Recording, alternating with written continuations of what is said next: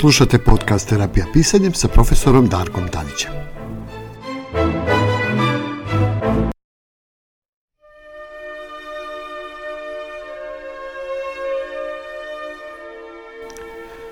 Moram da priznam da me već duže vreme muči jedna tema koju bi baš volio da podelim sa vama, a to je umetnost i depresija.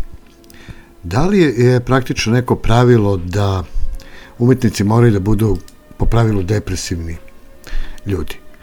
Nekada se govorilo da tamo gde postoji depresija često stanuje i umetnost. Ponekad e, zaista i velika umetnost. Edgar Allan Poe, Pollock, Michelangelo, Hemingway, Andrić, Keats. Meša Selimović, Gogin, Dickens, Blake, samo su neki nekoliko poznatih kreativnih umetnika za koje se zna da su patili od strašnih napada depresije. E, negde sam još i pronašao podatak da je ovaj pisac Graham Greene e, patio od bipolarnog poremećaja koji čak je imao neke veze i sa graničnom psihozom i posle njegove smrti u, u pismima su, privatni prepisci su otkrili da je on zapisao da praktično pisanje je bila jedina stvar koja ga je držala noktima za život.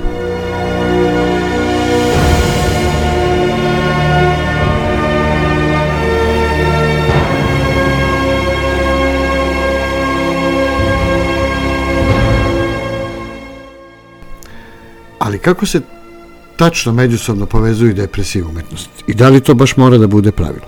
Često sam u svojim radionicama terapijskog pisanja, ali i kreativnog pisanja, imao prilike da sretem izuzetno talentovane ljude koji su bili prilično depresivni. Mnogi od njih su praktično bili prikriveno depresivni. To su oni ljudi kako vole u popularnoj psihologiji da ih zovu depresivci sa nasmejanim licem. E, da li praktično postoji nešto jasno i definisano što povezuje depresiju i umetnost? Da li depresivne epizode nekako pomažu u kreativnom procesu, da li prosto čovjek mora da bude depresivan da bi bio kreativan, ili postoji nešto u tome što je čovjek umetnik, u bilo kom kreativnom polju, čime god da se bavi, znači što ga predisponira da se kod njega razvije depresija. Očigledno je do, da su depresija i kreativnost tesno povezane. Psiholozi i psihijatri su decenima proučavali i razmišljali o ovom pitanju, a većina njih je zaključila da depresija igra neku ulogu u kreativnom stvaranju, kažem, bez obzira čime se čovjek bavi.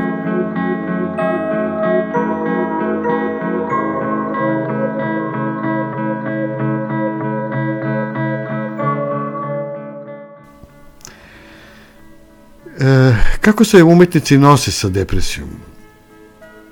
Iz mog ličnog iskustva mogu da kažem da Ne mogu da tvrdim koja je nivoa bila mog depresije, moja depresija tačno, mala ili velika, ili se dešavalo da bude maskirana nečim što se zove promena raspoloženja, ali praktično kreativni ljudi imaju tendenciju da budu visoko svesni, e, vrlo senzitivni i vrlo emotivni. Čini se da su skloni da mnogo više vremena provode razmišljajući o svojim neuspesima, strahovima, nesigurnostima i razočarenjima nego većina ljudi. Čak neki su imali običaj da kažu da je za njih depresija dobra, jer praktično e, ova vrsta razmišljanja predstavlja i neke, neku vrstu nivoa inspiracije, drugačije perspektive kako se gleda na svet, promenjen ugao, koji je drugim ljudima često potpuno nedostupan, ali zato jako vole da čitaju, gledaju, slušaju to što umetnici stvaraju. I samim tim kroz tu vrstu katarze koju umetnost e, donosi u toj potpuno drugačijoj perspektivi gledanja i tumačenja sveta, tu se negde nalazi i taj naš koren. E, zašto stvaramo, zašto ne možemo da živimo, a da ne stvaramo.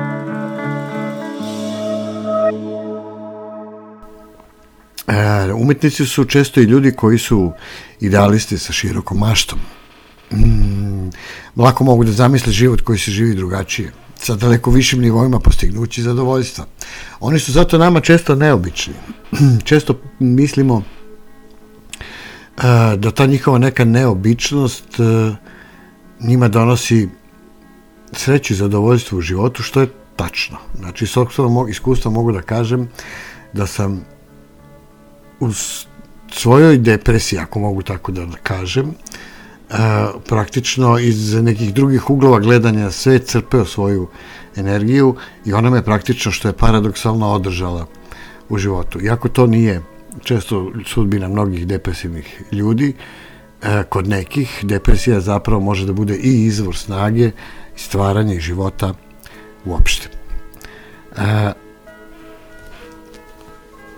Umetnici imaju jako društvenu svest, kao što imaju mnogi kreativni ljudi, oni mnogo vremena mogu da provedu u zamišljanju mogućih rješenja za ne samo lične odnose, nego brojne društvene, političke i ekonomske probleme u svetu i često ih oni i izražavaju kroz svoje umetnička dela različitih vrsta.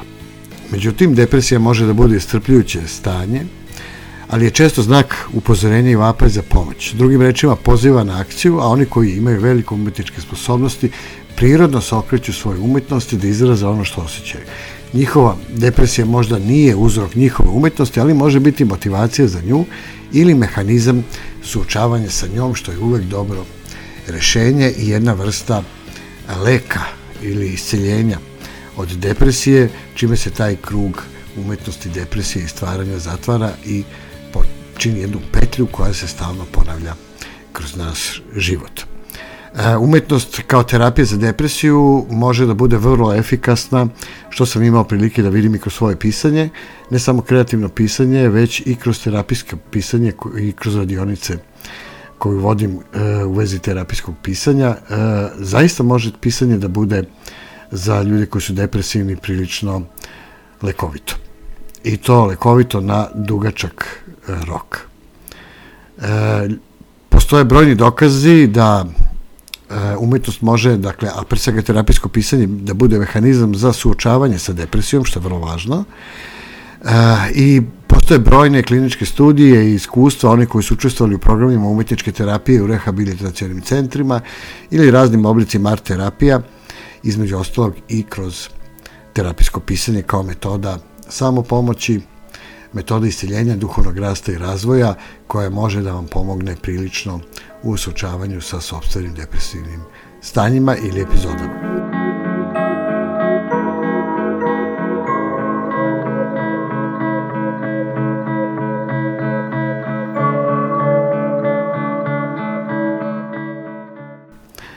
E, umetnička terapija, dakle i terapijsko pisanje kao jedna varijanta umetničke terapije, dobija poslednje vreme vrlo na popularnosti u lečenju zavisnosti, recimo i čitavog niza poremeća mentalnog zdravlja, uključujući i depresiju.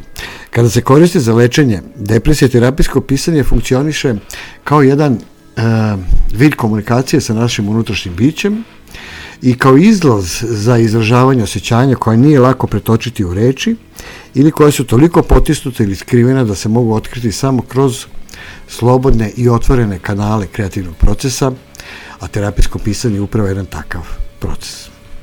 Umetnička praksa brojnih umetnika praktično odvodi dublje u sobstvenu podsvest. Znači, kad se bavimo umetnošću, mi zapravo stalno istražujemo svoju podsvest i tu verovatno nalazimo odgovore na misterije mentalnih bolesti. U umetničkoj terapiji postupak vode obučene savjetnice koji mogu pokazati pacijentima kako da otključaju ključeve sobstvenog uma. U terapijskom pisanju koja nije klasična psihoterapija, je već, ja volim često da kažem, jedna vrsta edukativnog procesa.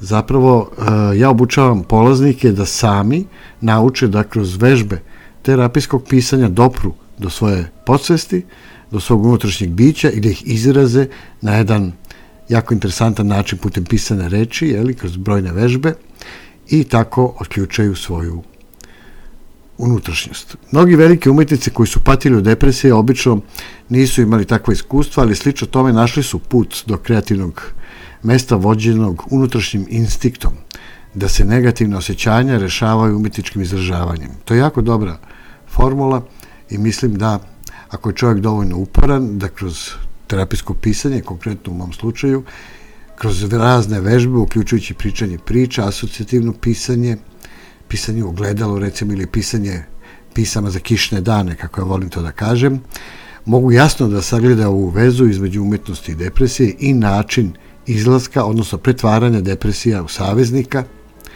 i u moćno kreativno oružje koje može da nam izuzetno olakša život, učini, učini nas zadovoljnim, kreativnim i može da napravi jednu divnu podlogu da vodimo jedan uspešan i zadovoljan život.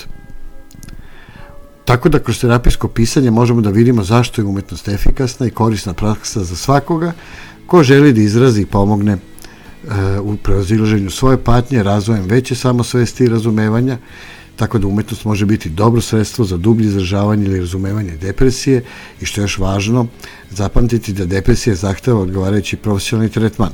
Sama umetnost ne može, nažalost, uvek da je reši, ali kod jednog dobrog broja ljudi koji su skloni depresiji ili jačim promenama raspoloženja, terapijsko pisanje može da bude jako isceljujuće i jedan divan početak putovanja na jedan dobar, kvalitetan, kreativan duhovni put, kroz lični rast i razvoj i kroz uspešno rešavanje problema u životu i ostvaranje generalno jednog kvalitetnog života.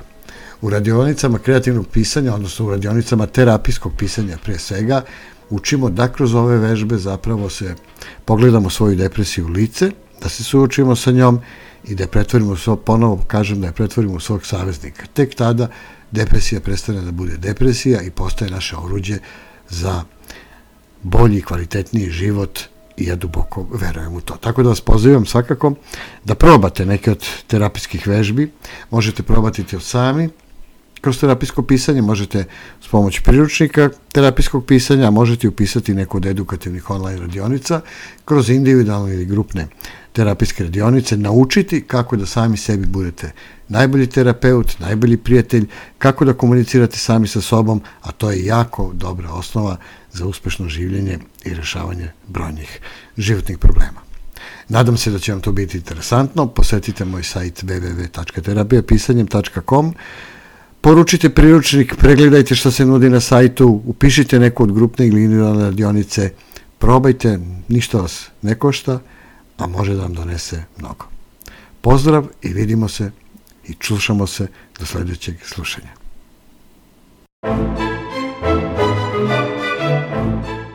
Slušali ste podcast Terapija pisanjem sa profesorom Darkom Tadićem. Pratite nas i u sledećim epizodama na našem sajtu www.terapijapisanjem.com. Do slušanja.